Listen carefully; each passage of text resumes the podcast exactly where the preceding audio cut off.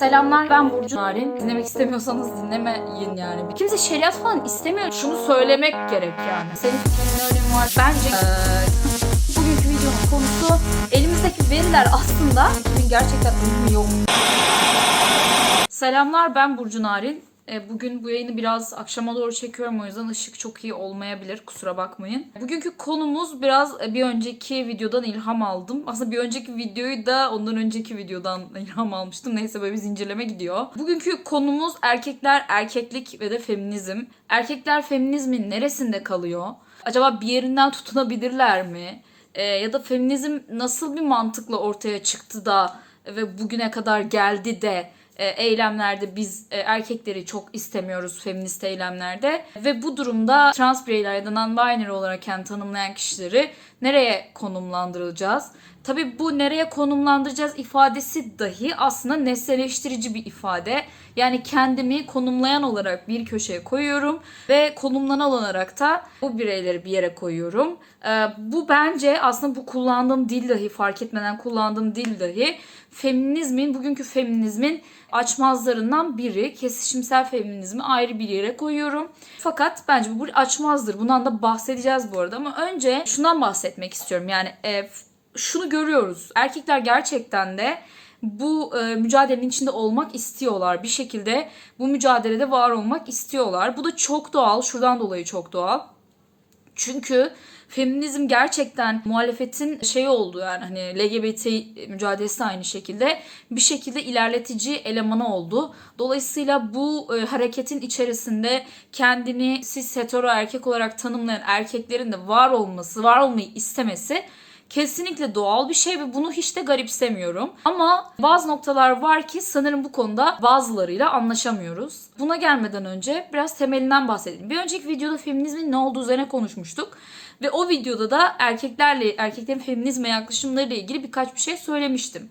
Ama şunu tekrar etmek istiyorum. Feminizm atanmış cinsiyeti kadın olan kişilerin atanmış cinsiyeti erkek olan kişilere karşı özellikle siyasal işte haklar ve özgürlükler anlamında geri planda bırakılmasının bir sonucu olarak ortaya çıktı. Dolayısıyla vajinası e, olan bir bireyseniz kadın olarak atanıyorsunuz ve bir şekilde erkek olarak atananlara karşı bir dezavantajlı bir durumunuz oluyor. Bu özellikle şunu belirtmek istiyorum. Bu dezavantajlılık feminizmin ilk çıktığında özellikle e, siyasal toplumsal haklar temelinde oluyordu. Özellikle siyasal haklar temelinde işte oy hakkı, işte seçme seçilme hakkı ya da miras hakkı gibi yine ekonomik e, şeyi de vardı. Bu gibi haklar çerçevesinde ilk olarak çıkmıştı. Çünkü gerçekten de net olarak o dönemde 19. yüzyılda bireyden anlaşılan, birey deyince anlaşılan, yurttaş deyince anlaşılan aslında erkekler oluyordu. Yani aslında bireyliğin ve yurttaşlığın da bir cinsiyeti vardı. Bugün geldiğimiz noktada bu çelişkinin hala daha dönüştüğünü ve değiştiğini düşünmüyorum.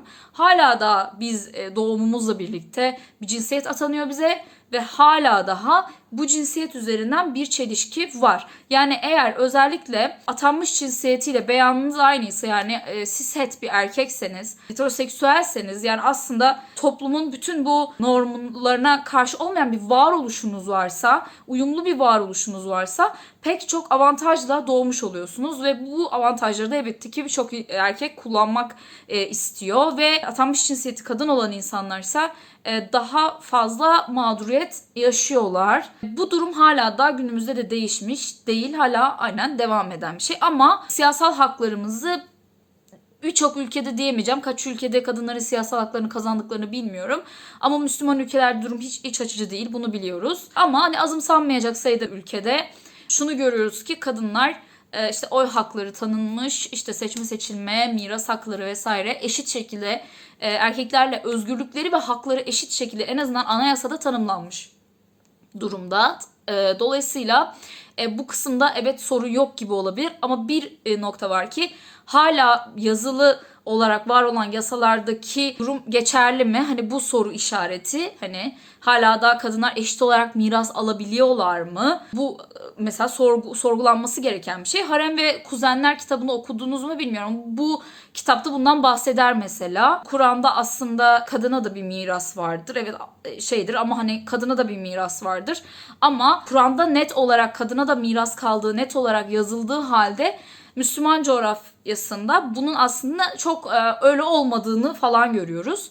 Benim şahit olduğum birkaç uygulamayı mesela söyleyeyim size. Kişi ölmeden önce evini erkek oğlunun üstüne yapıyor ki mirasta e, kızlara düşmesin diye. Bu yapılan bir şey yani. Dolayısıyla hala da aslında yazılı olsa dahi birçok ülkede bu konuda sorun yaşayan kadın var ki bu hala da şu anlama geliyor. Kendimizi hani siyasal ekonomik haklarımızı dahi henüz aslında tam olarak almadığımız yazılı olarak olsa da tam olarak almadığımız anlamına geliyor. Bir de bunun toplumsal boyutu var, sosyolojik boyutu var, e, işin suç boyutu var, tecavüz, taciz, istismar. Çoğunlukla kadınlar bunların hedefinde ve çoğunlukla bu failler erkek çok istisnai olarak kadın olduğunu görüyoruz bu faillerin. Mesela bu erkekleri rahatsız edici bir istatistik olabilir ama bu bir gerçek yani. Hani bu konu e, sorgulanacak bir şey değil. Ve çoğu zaman şunu duyuyorum mesela erkekler işte erkekler de öldürülüyor. Erkekleri de erkekler öldürüyor çoğunlukla. Elbette ki kadınlar da öldürebilir, öldürüyordur da ama bu ne kadar hani tartışılır açıkçası. Dolayısıyla kadınların hala da işte iş iş hayatında, işte ev içinde, ev içi emek meselesi var. Ya ben size burada 100 tane tema sayabilirim. Hala da atanmış cinsiyeti kadın olan insanların sadece cinsiyetleri kadın olarak atandığı için var olan mağduriyetler üzerine sonsuza kadar konuşabilirim. Dolayısıyla burada hani sınıf savaşında şey denir ya sınıf mücadelesinde işte e, uzlaşmaz çelişki diye bir şey vardır. Ben burada uzlaşmaz bir çelişki olduğunu düşünmüyorum. Neden düşünmediğimi de birazdan söyleyeceğim. Ama hala da bu çelişki atanmış cinsiyeti erkek olan insanlar, atanmış cinsiyeti kadın olan insanlar arasında böyle bir çelişki var ne yazık ki. Devam ediyor. Bu neden sürekli atanmış olduğunu belirttiğimi şu an açıklamayacağım. Hani şu an çünkü ayrı bir konu. Başka bir videoda bu konuda konuşabiliriz. Ee, bunu böyle geçiyorum o yüzden. Gelelim peki feminizmin erkekler neresinde? Bugün e, kadın çalışmalarında cinsiyet çalışmalarında, cinsiyete dayalı çalışmalarda, daha toplumsal cinsiyete dayalı çalışmalarda görüyoruz ki aslında erkekler de e, erkek egemen sistemde ciddi anlamda dezavantajlı oldukları durumlar var ve bu birçok erkek için baskı unsuru oluyor aynı zamanda kendi hayatlarında. Örnek verelim hani çoğunlukla bir erkek için çevresindeki kadınlar sorumluluk alanıdır. Yani o kadınlar o erkeğin sorumluluk alanı olarak belirlenir ve dolayısıyla bir erkek aslında ne kadar serbest ya da hani serbest demeyeyim de hani karşıt orada kadınların seçimlerine, rızalarına vesaire e, değer veren bunu anlamlı bulan bir erkek dahi olsanız toplum tarafından bu kadınları iyi kontrol edemediğinizde ne tırnak içinde diyorum aslında birçok hakarete uğruyorsunuz. İşte benim bildiğim Anadolu'nun bağrından çıkıp gelen bir iki kelimeyi söyleyeyim. Kavat, e, godoş, e, geniş, mezhebi geniş ve benzeri kelimelerle tanımlanıyorsunuz. Eğer şayet e, çevrenizdeki kadınlara saygı duyan, onların kararlarına saygı duyan ve onların özgürlük özgür olmaları ya da hak hak ve hani hak ve özgürlük bağlamında kendinizden hani ayrı kendinden ayrı görmeyen bir erkek dahi olsanız yine buradaki cümleler ve kelimelerle savaşmak e, zorunda kalıyorsunuz. Bu birincisi ve bu gerçekten bence çok aslında ağır bir yük. Tabii ki bunun bir de avantaj kısmı var. Eğer çevrenizdeki toplum size çevrenizdeki kadınları kontrol etme yetkisi veriyorsa bu kadınlara istediğinizi yapabiliyorsunuz. İşte tecavüz ediyorsunuz, ceza almıyorsunuz. Nasıl olsa karısısın. Yani karım diyor ve ceza almıyor. Evlilik içi tecavüzden bahsediyorum. Evin içerisinde şiddet uyguluyor çocuğuna, karısına ama e, ya kadın susmak zorunda kalıyor. Herhangi bir şekilde ekonomik özgürlüğü olmadığı için ya da adam erkekten çok fazla korktuğu için vesaire bunun gibi birçok şey var. Bir yandan da bir avantaj yani. Eğer kötü niyetli bir insansanız evet bu bir avantaj. Ama diğer yandan bunun dezavantajlı olduğu durumlar da var. Ee, zaten böyle bir baskı ve toplumsal baskıyla eğer kıyaslarsak aslında e, birçok çocuğun özellikle e, kızların nude vesaire üzerinden şantaja e, uğramaları sonucunda bu kız çocuklarının sustuğunu görüyoruz. Çünkü babaları duyarsa onları öldüreceğini düşünüyor mesela. Erkeğin otoritesinin aile içerisindeki bütün o baskıyı vesaireyi erkekliğini hani kanıtlama aracı olarak e, kullanıyor. Ama bu erkeklerin bence ortak özelliklerinden biri aslında çok kısıtlı bir yaşama sahip olmaları ve tamamen feodal şekilde yetiştirilmeleri e, ve aslında e, berbat bir hayatlarının olması. Çünkü hani bu kaygıları olmayan erkekleri gördüğümde çok daha onları da özgür hissediyorum. Yani öz- özgür olduklarını görüyorum açıkçası. Düşünce olarak, yaşam tarzı olarak daha mutlu ve huzurlu olduklarını görüyorum. Çünkü daha böyle gerici bakış açılarınız varsa yani karınızı ve kızınızı gütmek durumunda olan bir çoban olduğunuzu düşünüyorsanız en ufak bir dedikoduda, en ufak bir söylemde kafayı yiyorsunuz ve şiddet dolu bir ortam e, üretiyorsunuz aslında. Yani burada faile acımıyorum kesinlikle ama şöyle bir durum var ki fail mi daha mutlu yoksa kadınların özgür olması gerektiği konusunda herhangi bir soru işareti olmayan kişi mi daha mutlu diye sorarsanız evet diğeri yani daha mutlu, özgür olması gerektiğini düşünenler daha mutlular. Gelelim bir başka kısma. Her erkeğin mutlaka bir işi olmak durumunda veya karısından daha az kazanmak durumunda. E, bu da bir problem. Yani birçok erkek için erkeklik kanıtlama meselesi gibi bir şey yani erkekliğini bir şekilde kanıtlama aracı gibi bir şey oluyor açıkçası. Ve erkekler aslında erkekler üzerinde çok ciddi baskılar da bulunabiliyorlar. Özellikle işte cinsellikle ilgili vesaire e, birbirlerini aşağılama ya da işte birbirlerini kendi uzuvları üzerinden aşağılama gibi eğilimlerde de bulunabiliyorlar. Ve bu da yine bir baskının, e, şiddetin bir farklı versiyonu oluyor. Özellikle toplum erkeklere belirli roller biçiyor ve mutlaka bu rolleri yapmanız gerektiğini düşünüyor toplum. Ya bu roller o kadar geniş ve katı ki yani o kadar geniş e, geniş ve hani o kadar fazla kural var ve o kadar bir yerinden mutlaka dahil olabilme ihtimaliniz var ki gerçekten şaşırtıcı. Mesela feminen en ufak bir hareketinizde en ufak bir eğiliminizde hani e, ne bileyim pembe giymekten giymek olabilir. Bunu ne kadar feminen tanımlayabiliriz o da ayrı bir şey. Ben toplumu feminen tanımı üzerinden konuşuyorum zaten. E, size en ufak bir feminenlik hissettiklerinde dediğim gibi bu ne böyle işte şöyle misin böyle misin gibi böyle özellikle homofobik söylemler ya da transfobik söylemler üretiyorlar. Dolayısıyla aslında erkeklerin çok sınırlı bir alanda bir şey var. Ya bugün balet olan kişileri bile yani yani erkekleri bile hani konuşabilen insanlar var yani erkek böyle iş mi yapar ve benzeri şekilde. Ee, özetle hani toplumun ifadesi yani yeterince sert misiniz ya da yumuşak mısınız? Hani bu önemli bir soru toplum için. İlginç. Ama e, erkeklerin de dediğim gibi bu şeyde bir üstlerinde bir baskı vesaire ya da mesela en basitinden şunu da söyleyebilirim. Bir evde hani herhangi bir şekilde işte aletten aletlerden ya da işte e, ne bileyim elektrikten işte su tesisattan bilmem anlamayan erkeğin mesela çok da hani yadırganır ya da yargılanır bir yönü olur mesela. Sadece erkek olduğu için bunları bilmesi gerekiyormuş gibi. Bunun dışında işte ev işi yapan erkek üzerinde yine birçok baskı. Ya aslında baskıları bir özetlemek gerekirse genel bir çatı. Bence bunun iki yönü var. Birincisi homofobi ve transfobi üzerinden yapılan. Bu da aslında kadın düşmanlığıyla alakalıdır bu arada. Yani herhangi bir şekilde atanmış cinsiyeti kadın olan insanları ilgilendiren bir başlığın içindeyseniz orada siz artık hani kadınsı olarak işaretleniyorsunuz ve homofobik ve transfobik birçok transfobik birçok söylemle karşılaşıyorsunuz. Ve bunun diğer bir e, hani yönü de kadınlar üzerinde, çevrenizdeki, etrafınızdaki kadınlar üzerinde kuracağınız baskının değeri. Yani siz ne kadar baskı kurarsanız çevrenizdeki kadınlarda, onları ne kadar kendi isteğinize göre şekillendirmeye çalışırsanız o kadar itibarlı bir erkek oluyorsunuz. Ve bu iki yönü bence ciddi anlamda e, erkekleri kısıtlayan, zorbalık noktasında e, rahatsız eden durumlar. Dolayısıyla bence, bencesi yok bu işin gerçi de. Evet erkekler feminizmin içinde bir yerde. Evet dahil.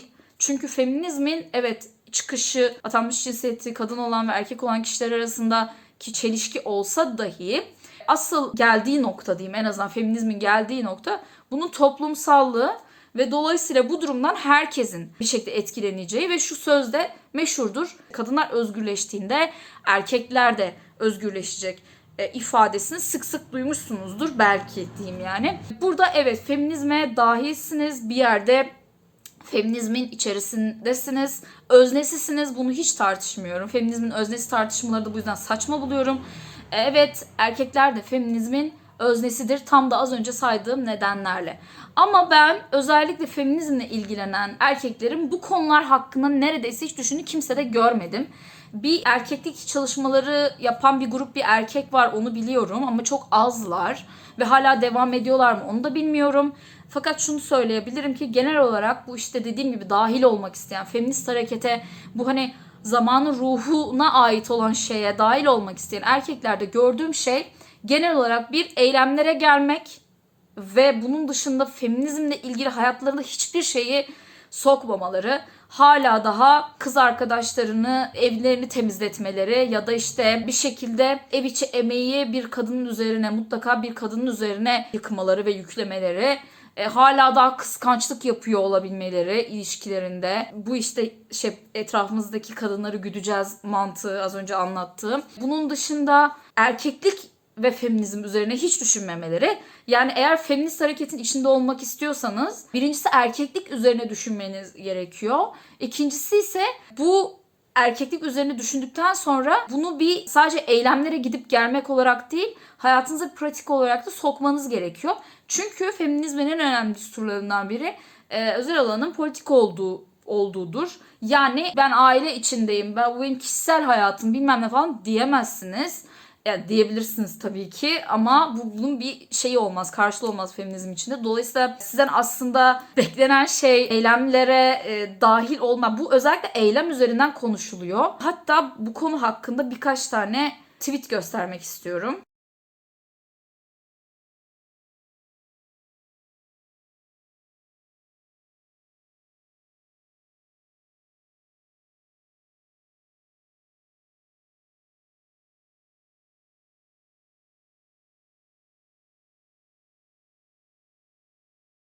Bu tweetlerde de gördüğünüz üzere konu neredeyse tamamen eylemlere gelip gelmemeleri meselesi üzerine ve şunu anlamıyorum. Neden feminizmle ilgili bir meselede kendi alanınızda özellikle çalışmak, kendinizle ilgili kısım üzerine düşünmek varken neden sürekli olarak kadınların kendi çizdiği alanların içerisine dahil olmak istiyorsunuz? Bu arada şunu söyleyeceğim. Bence feminist eylemlere erkekler gelebilir. Bence feminist eylemlere erkekler gelebilir. Bunda benim için hiçbir sorun yok. Bence sorun şurada başlıyor. Kadınların bir şekilde düzenlediği bir eylemde eğer genel olarak kadınlar o eylemde bulunmamanızı istiyorsa ki en son İstanbul Sözleşmesi ile ilgili olan e, eylemde erkeklere gidin denmedi. Sadece erkekleri arkaya atın dendi ve tepki gösterenlerden biri de bendim bu arada. Arkada durmaları gerekmiyor. Zaten bence bir anlamı yok arkada durmalarının simgesel olarak dahi anlamı yok. Bu yüzden bence arkada durmamaları gerekiyordu ve ben de tepki gösterdim. Ama orada bir erkeğin tepki göstermesini hiç hoş karşılamam. Net olarak onu söyleyebilirim. Çünkü bu bizim feminizm, yani feminist olarak bizler içerisinde bir mesele. Ve kadınlar ve bence oradaki LGBT bireylerin vermesi gereken e, bir, bir, daha konuşması ya da ortaklaşması gereken bir mesele e, olarak görüyorum. Çünkü bu meselede LGBT bireyleri de işin içine kattığımızda bu çelişkinin en tepesinde siz oluyorsunuz. Yani siz hetero atanmış cinsiyetiyle kendi beyanı çelişmeyen ve hetero olan erkekleri kastediyorum. Burada en büyük çelişki sizin oluyor. Oradaki kadınların ve LGBT bireylerin sizlerle ilgili trilyonlarca travması var. Yani dolayısıyla eğer bir alan yaratmak istiyorsanız Bence hani böyle sosyalist örgütlerde şey vardır işte bazılarında. İşte kadınlar ayrı olarak örgütlensin özneleşmeleri için falan filan gibi. Gençlik örgütlenmesi ayrıdır falan filan.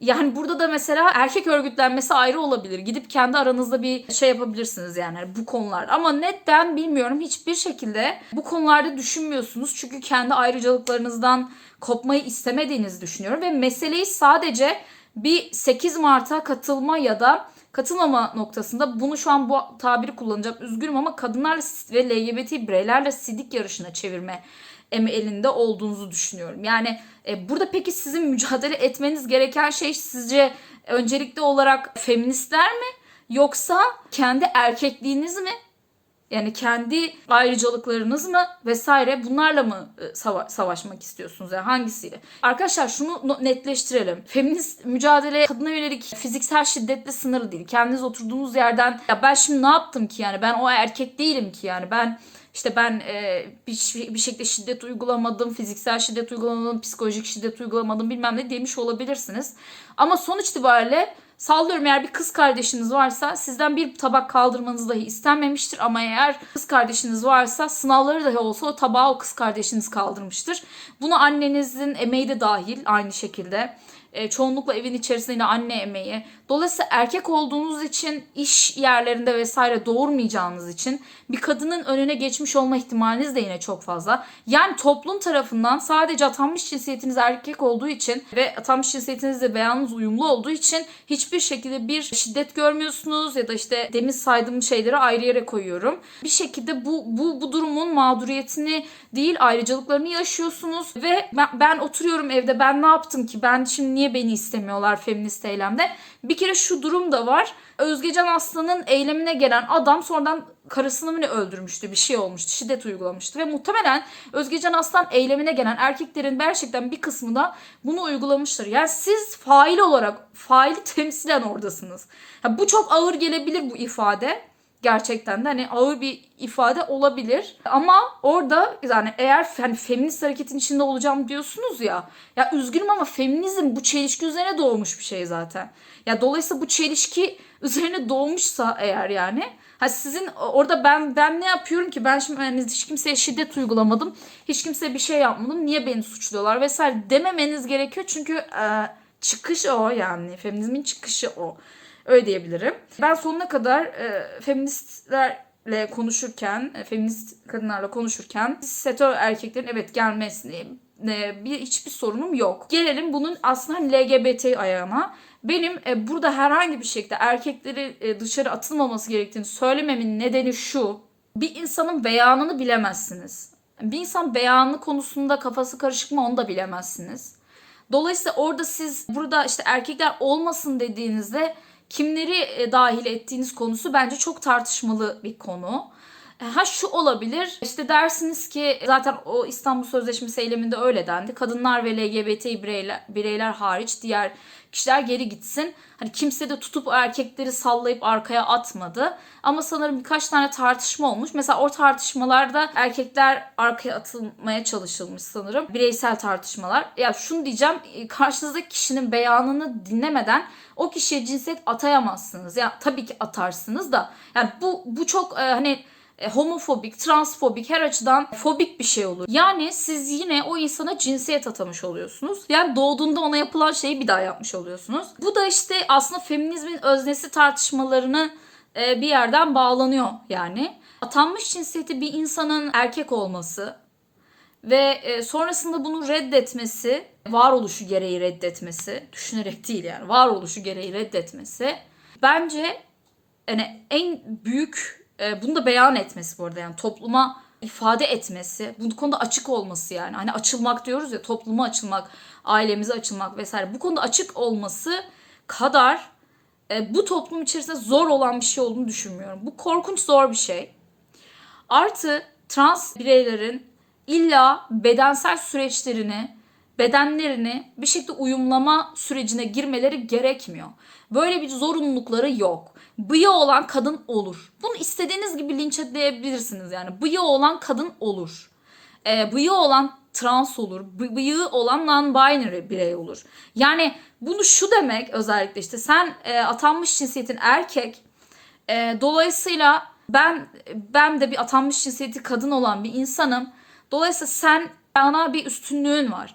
Demek kadar hani e, aşırı yanlış bir şey yok. Çünkü o kişi zaten erkeğe yani atanmış cinsiyetine dair olan şeyleri reddetmiş. Yani atanmış cinsiyetine dahil olan o toplumsal cinsiyeti reddetmiş bir kişi var senin karşında. Ya bunun kadar zor bir şey olabilir mi? Şu cümleyi kurmak. Ben erkek değilim. Atanmış cinsiyeti erkek olan bir insan için söylüyorum. Ben erkek değilim cümlesini kurabilmenin bu toplumda ne karşılığı olduğunu farkında mısınız? Kesişimsel feminizm konuştuğumuzda da bunu söyleyebilirim ama gerçekten dezavantajlar arasında böylesi bir yarışı son derece mantıksız ve saçma buluyorum.